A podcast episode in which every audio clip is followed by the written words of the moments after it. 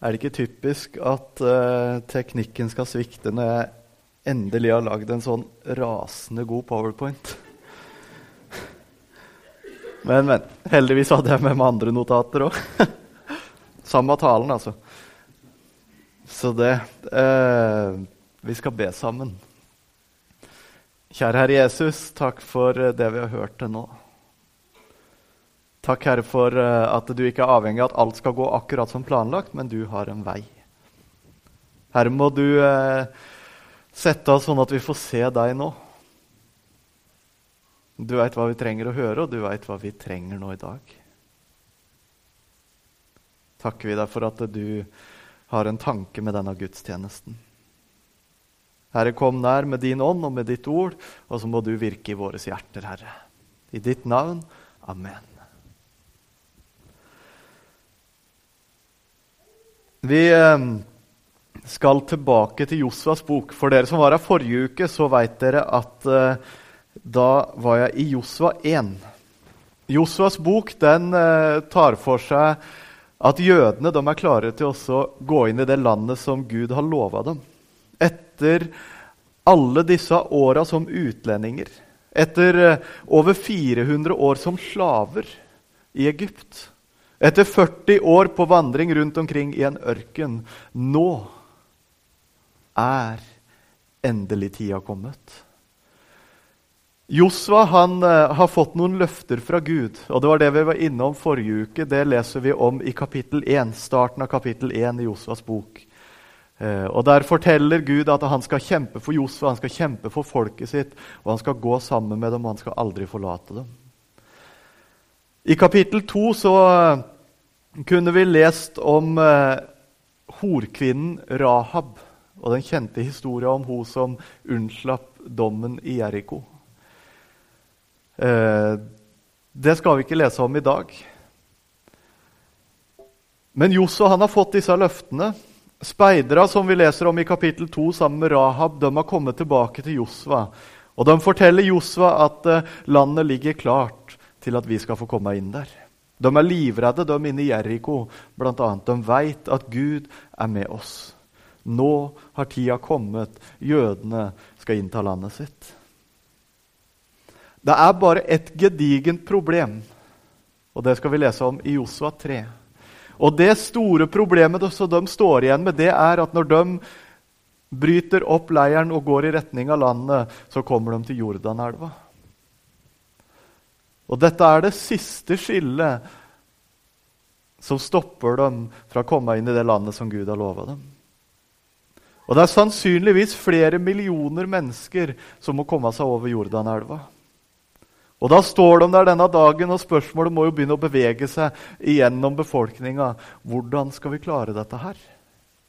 Hvordan skal vi komme fra denne sida og over på motsatt side av Jordanelva? Det er ikke bare at de må komme seg over der, men de står der den dagen de kommer fram foran Jordanelva, så er det midt i høsttida. Og det vil si at Jordanelva den går over alle sine bredder. Ufattelig mye større enn denne lille elva til vanlig er. Flere ganger så brei. De har hatt 40 år på å forberede dette her. Og så presterer de å treffe det siste hinderet akkurat på det verst, verst tenkelige tidspunktet. Og jeg tror det kunne tatt motet ifra de aller fleste. Det må jo noe mer til enn noen få båter. Vi snakker millioner av mennesker. De kan ikke stelle seg opp med noen robåter og holde på fram og tilbake over Jordanelva. Og Så står de kanskje der og lurer på Kanskje noen av disse her mer viktige folket kommer til Josfa og så sier de, er det over før det i det hele tatt har starta. Du òg forstår jo at vi kommer oss ikke over der. Hva skal vi gjøre nå? Hvordan går dette her? Hva skjer nå? Skal virkelig Gud svikte oss den siste lille biten? Etter å ha tatt oss igjennom ørkenen i 40 år, etter å endelig ha fridd oss ut av Egypt, skal han virkelig svikte oss nå? Her vi står uten noen ting. Vi skal lese i Josva kapittel 3. Det skal vi lese av vers 1-5. Morgenen etter sto Josva tidlig opp. De dro ut fra Akasielunden og kom til Jordan, både han og alle Israels barn. Der ble de en tid før de dro over. Etter tre dager skjedde det at oppsynsmennene gikk gjennom leiren.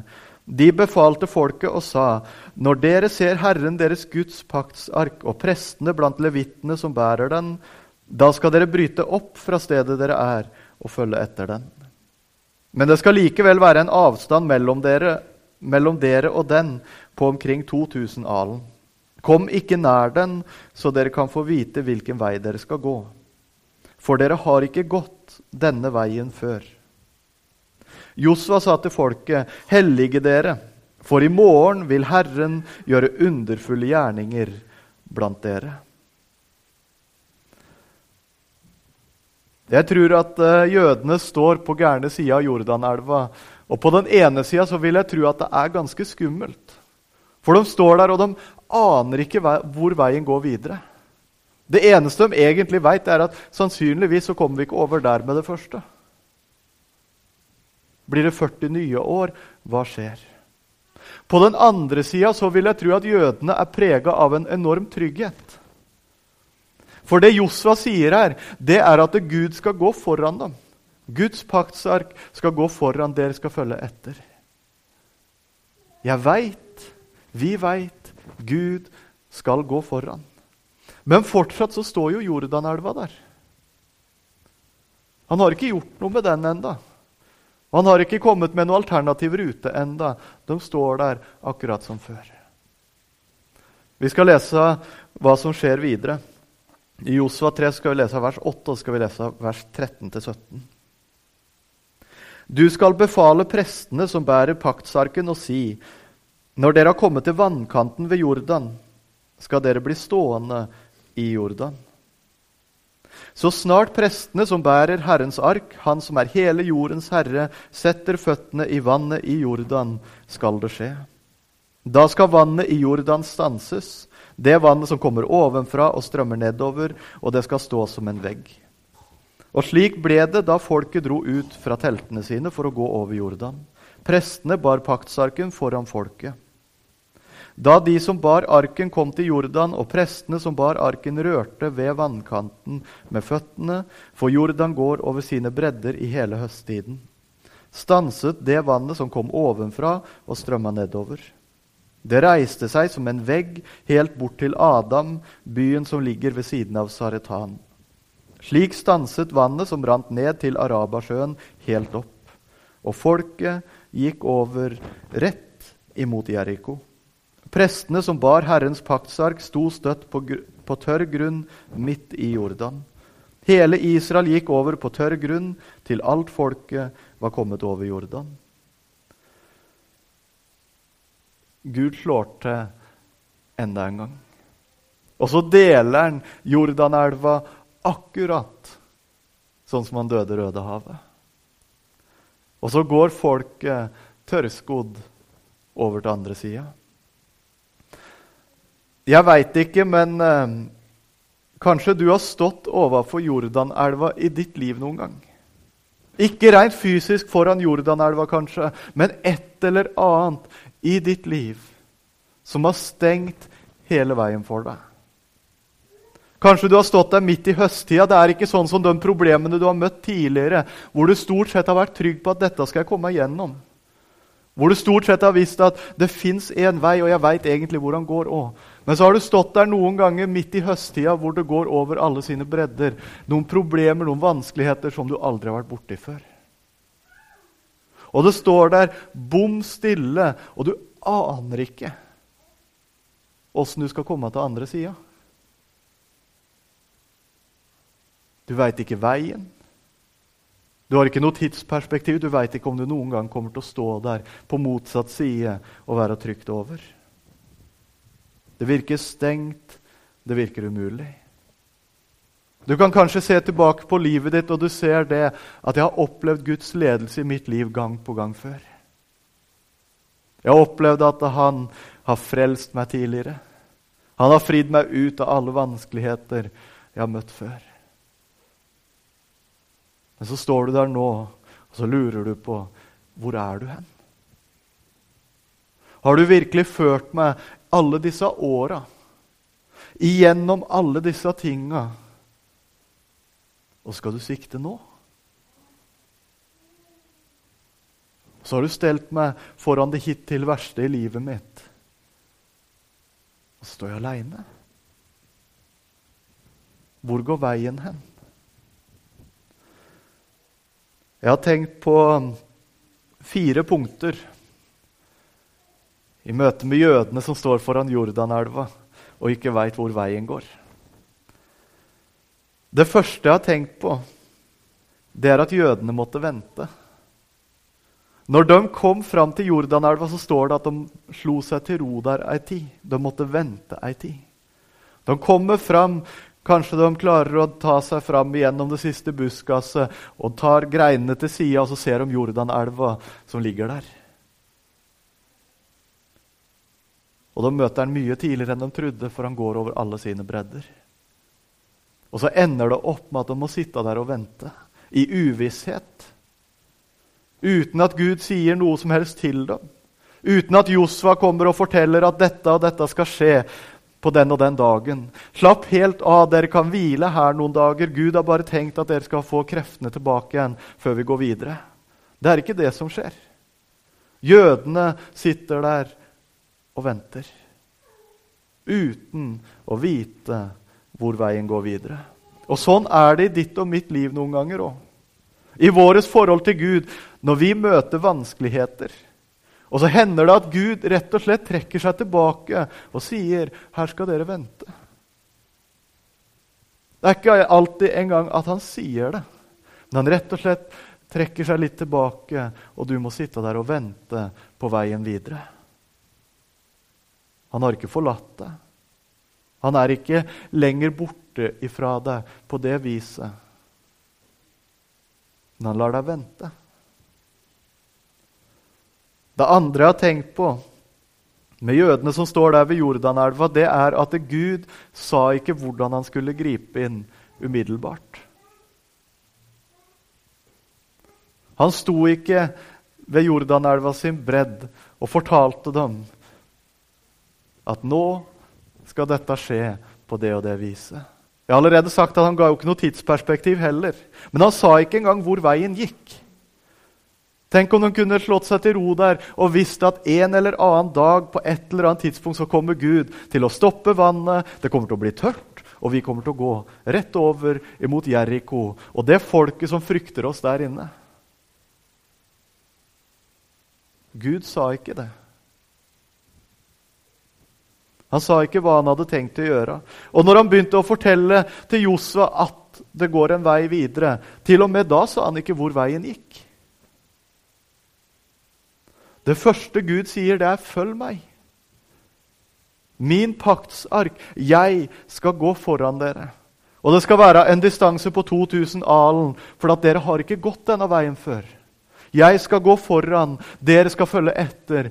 Stol på meg. Stol på meg. Og så er det noen ganger sånn i ditt og mitt liv at vi ikke får se Guds inngripen der og da. Det er ikke alltid vi ser det før det hele er over. Noen ganger går det til og med lang tid etter at vi har kommet over Jordanelva, før vi ser hva som egentlig skjedde. Hvordan han egentlig førte oss igjennom, åssen han tok oss over, åssen han tok oss rundt. Men det som alltid skjer, det er at Gud sier til deg i dine vanskeligheter Foran din Jordanelv, der hvor det er stengt og umulig for deg, så står Gud og sier til deg hver eneste dag Følg meg. Stol på meg.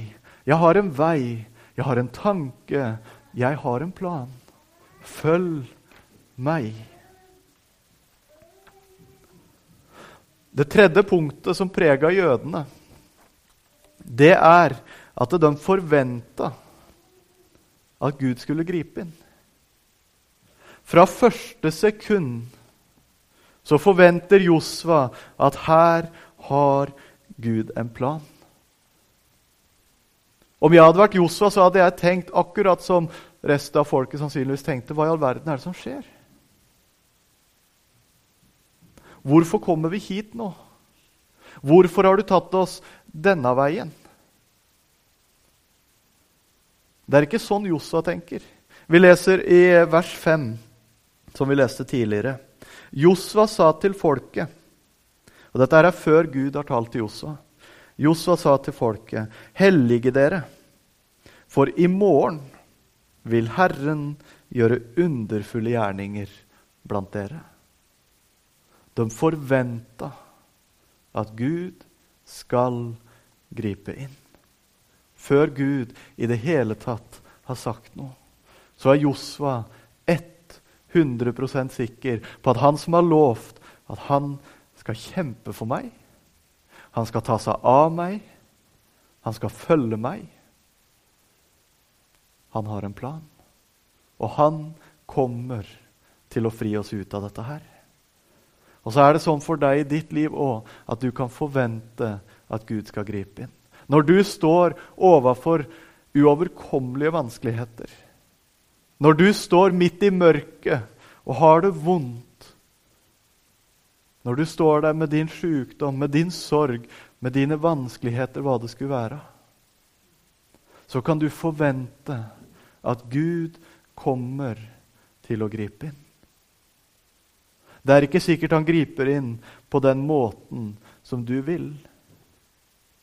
Det er ikke sikkert han griper inn på den måten du har tenkt at er den beste.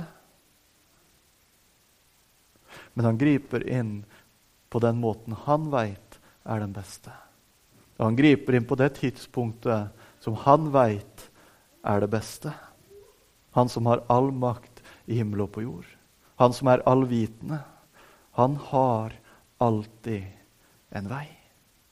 Ikke alltid den vi vil, men alltid det som er den beste veien. Det fjerde jeg har tenkt på med disse versene her Gud greip inn. Når du leser i Josva 3, så ser du faktisk at Gud gjør akkurat det. Sannsynligvis så griper han inn på en annen måte enn de har tenkt. Josva stoler på at Gud kommer til å gjøre underfulle gjerninger. Folket har kanskje bestemt seg for å stole på det Josua sier. Og de tenker at Gud kommer nok en gang til å fri oss ut. Men jeg kan aldri tenke meg at de trodde at lynet kommer til å slå ned to ganger. Jeg kan aldri tenke meg at de forventa at Gud enda en gang kom til å dele vannet. Kanskje de sto og tenkte fortsatt hvorfor har du tatt oss hit på denne tida, når elva er så brei? Hvorfor hadde du ikke sørga for at det lå noen båter og venta på oss? Har du tenkt til å vise oss veien rundt Jordanelva? Skal vi virkelig ut på enda en sånn lang vandring? Men det Gud gjør, når han griper inn, det er at lynet slår ned for andre gang. Og så deler han elva rett foran sitt folk. Og så får israelsfolket gå tørrskodd gjennom Jordanelva. For Gud, han har makt over den elva. Han har makt over vannet, han har makt over alle ting. Og Gud, han har makt over det du møter i ditt liv. Over den Jordanelva som du møter over de vanskelighetene du står overfor. Gud har en vei. Det kan hende du må vente. Det kan hende han rett og slett setter deg ned der for at du må vente på løsninga på dette her. Det kan være at han ikke sier åssen han har tenkt å ta deg gjennom det. Men du kan forvente, og du kan vite at Gud kommer til å gripe inn i mitt liv. Han vil gripe inn i min situasjon. Han vil gripe inn i det jeg står oppi.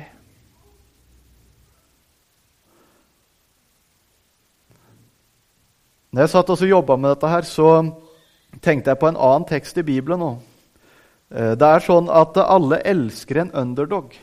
Og når du leser igjennom Josvas bok, så leser du egentlig historia om en eneste stor seiersmarsj for underdogen. Det er ingen som frykta dette folket fra før. Det var ingen som så på jødene og tenkte at dette her var noe å ta seriøst. Grunnen til at de ble frykta, det var når de andre folka så hvem som gikk foran dem. Israelsfolket det var det folket som ingen regna med. Og så er det en annen sånn historie i Bibelen. Og Det er historia om David og Goliat. Og dere vet det at I historia om David og Goliat så ser ting håpløst ut. Filistrene de har kontrollen i denne krigen. Og Goliat har tredd fram dag etter dag etter dag og stått og håna Israels soldater. Og ikke bare dem, men han har håna Israels gud. Det ser håpløst ut, men Gud har en vei. Vi skal lese i 1. Samuels bok, kapittel 17, og så skal vi lese vers 42-51. Da filisteren så seg rundt og fikk se David, forakta han ham. For han var bare en ungdom, rødkinna og pen å se på. Så sa filisteren til David, Er jeg en hund, siden du kommer mot meg med kjepper? Filisteren forbannet David ved gudene sine. Filisteren sa til David, 'Kom hit til meg, så skal jeg gi kjøttet ditt til fuglene i luften og dyrene på marken.' Da sa David til filisteren, 'Du kommer mot meg med sverd, med stikkspyd og kastespyd.' 'Men jeg kommer mot deg i herskarenes herres navn, han som er Gud over Israels hærer, og som du har håna.' På denne dag skal Herren overgi deg i min hånd, og jeg skal slå deg ned og hogge hodet av deg. På denne dag skal jeg gi likene fra filistrenes hær til fuglene i luften og dyrene på marken, så hele jorden skal erkjenne at Gud finnes i Israel. Da skal hele dette folket erkjenne at det ikke er ved sverd eller spyd Herren gir frelse, for det er Herrens strid, og han skal overgi dere i vår hånd. Da filisteren stilte seg fram og nærma seg for å møte David, skjedde det. David skyndte seg og sprang fram mot rekkene for å møte filisteren. Så stakk David hånden sin i vesken og tok fram en stein. Han slynga den ut og traff filisteren i hodet, så steinen gikk dypt inn i pannen hans, og han falt på sitt ansikt mot jorda. Slik vant David over filisteren med en slynge og en stein. Han slo filisteren og drepte ham, men David hadde ikke noe sverd i hånden. Derfor sprang David bort og stilte seg over filisteren. Han grep sverdet hans, dro det ut av sliren og drepte ham, og så hogg han av ham hodet med det. Da filistrene så at kjempen deres var død, flykta de. David, han eh, var bare ungdommen. Ingen blant israelsfolket kunne måle seg med Goliat. Ingen turte å gå mot ham. Men David han var ikke engang en soldat. Og når han tok på seg rustningen til kong Salomo, så var den altfor stor og altfor tung. Han måtte bare ta den av igjen.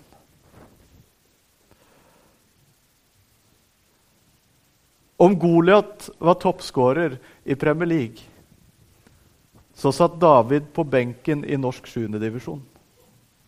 Der har du forskjellen. Han var ingenting. Goliat han spiser sånne som David til frokost. David han kommer mot Goliat uten våpen. Men så leser vi altså i vers 45 hva David kommer med. Da sa David til filisteren, du kommer mot meg med sverd, med stikkspyd og kastespyd.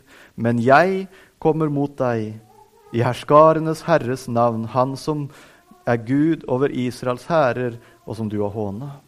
Jeg kommer mot deg i Guds navn. Jeg tror til en viss grad at vi har misforstått hele historia. Egentlig så er det favoritten som vinner i David mot Goliat. David ser pjuskete ut. Hvis du ser på de menneskelige aspektene. Han var minst, han var svakest, han var ingenting. Han var ikke bare underdoggen, han var sjanseløs. Men David visste hvem som gikk foran han. Jeg kommer ikke med spyd eller sverd, jeg kommer mot deg i Guds navn. Og så enda på historia at David vant. I møte med Jordanelva, i møte med Goliat. For Gud, han har alltid en vei. Og så er det sånn at Hver eneste dag så skjer det en David mot Goliat-situasjon i denne verden. Ikke på akkurat samme måten. Men det skjer dag etter dag. Det skjer i ditt liv. Det skjer i mitt liv. Vi står overfor Jordanelva gang på gang på gang. Noen ganger er den breiere enn andre. Noen ganger er den vanskeligere å komme over enn andre ganger. Og noen ganger ser det verre ut enn ellers. Vi står overfor Goliat, vi står overfor våre farer og våre vanskeligheter. Og så står vi kanskje der og spør hvor skal jeg gå hen nå? Åssen skal jeg komme videre? Ender det her? Svikter du meg nå? Skal jeg virkelig ikke komme lenger? Hvor er båten hen? Hvor er veien rundt? Og så sier Bibelen, og så sier Gud til deg, at du kan få gå mot det i Hans navn.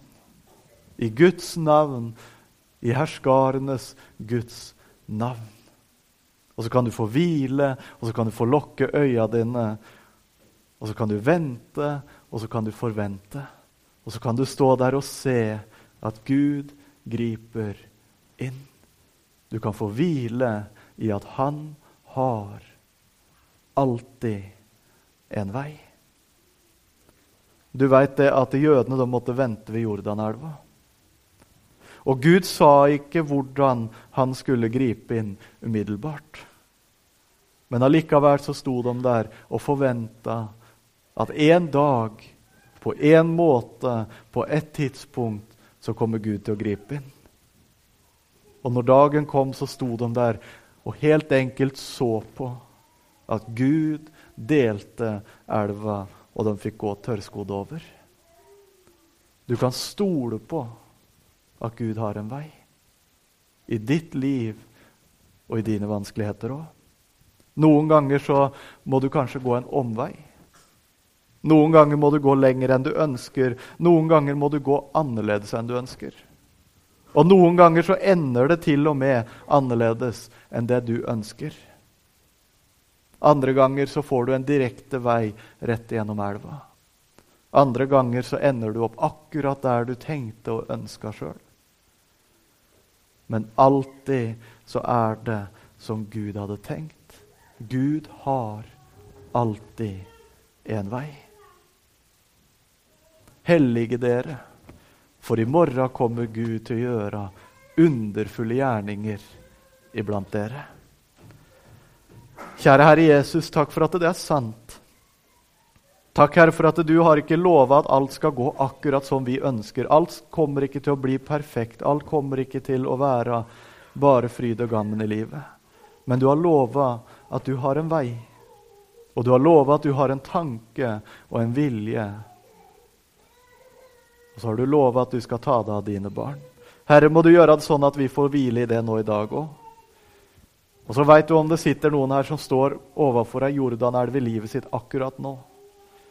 Hvor det virker stengt, og hvor det virker helt mørkt. Herre, ber om at du går til den enkelte i dag. Og så ber vi om at du griper inn på den måten som du ser er rett, og som du ser er best. Herre, det ber vi om i ditt navn. Amen.